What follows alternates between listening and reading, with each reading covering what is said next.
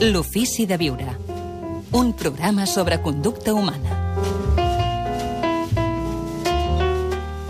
Avui al bloc de notes de l'Àlex Rovira, un dels seus autors, de, no sé si qualificar-lo, Àlex, de capçalera. Què tal? Ben retrobat, Àlex. Cristof André. Molt bé, Gaspar. Ben bé de capçalera no seria, però és un autor molt apreciat, molt estimat i que val molt la pena conèixer, Cristof André. Aquest eh, metge psiquiatre i psicoterapeuta que va néixer a, la, a Montpellier l'any 1956 ha estat un dels pioners del país veí, de França, en el territori del benestar emocional i, a més, ell s'ha dedicat molt en la, seva, en la seva terapèutica a les persones amb trastorns depressius i d'ansietat.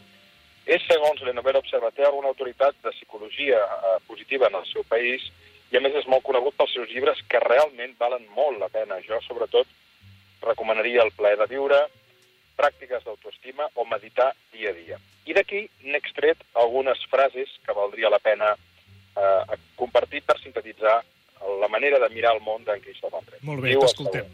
Gràcies, Gaspar.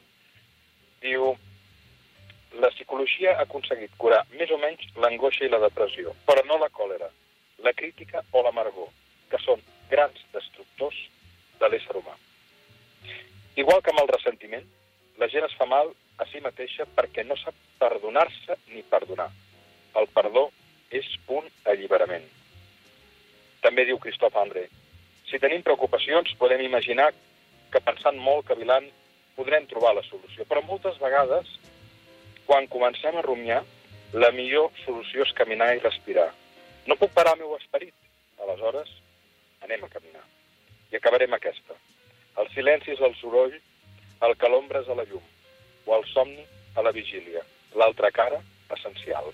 Magnífiques frases de Cristof André. N'hauríem de prendre nota tots.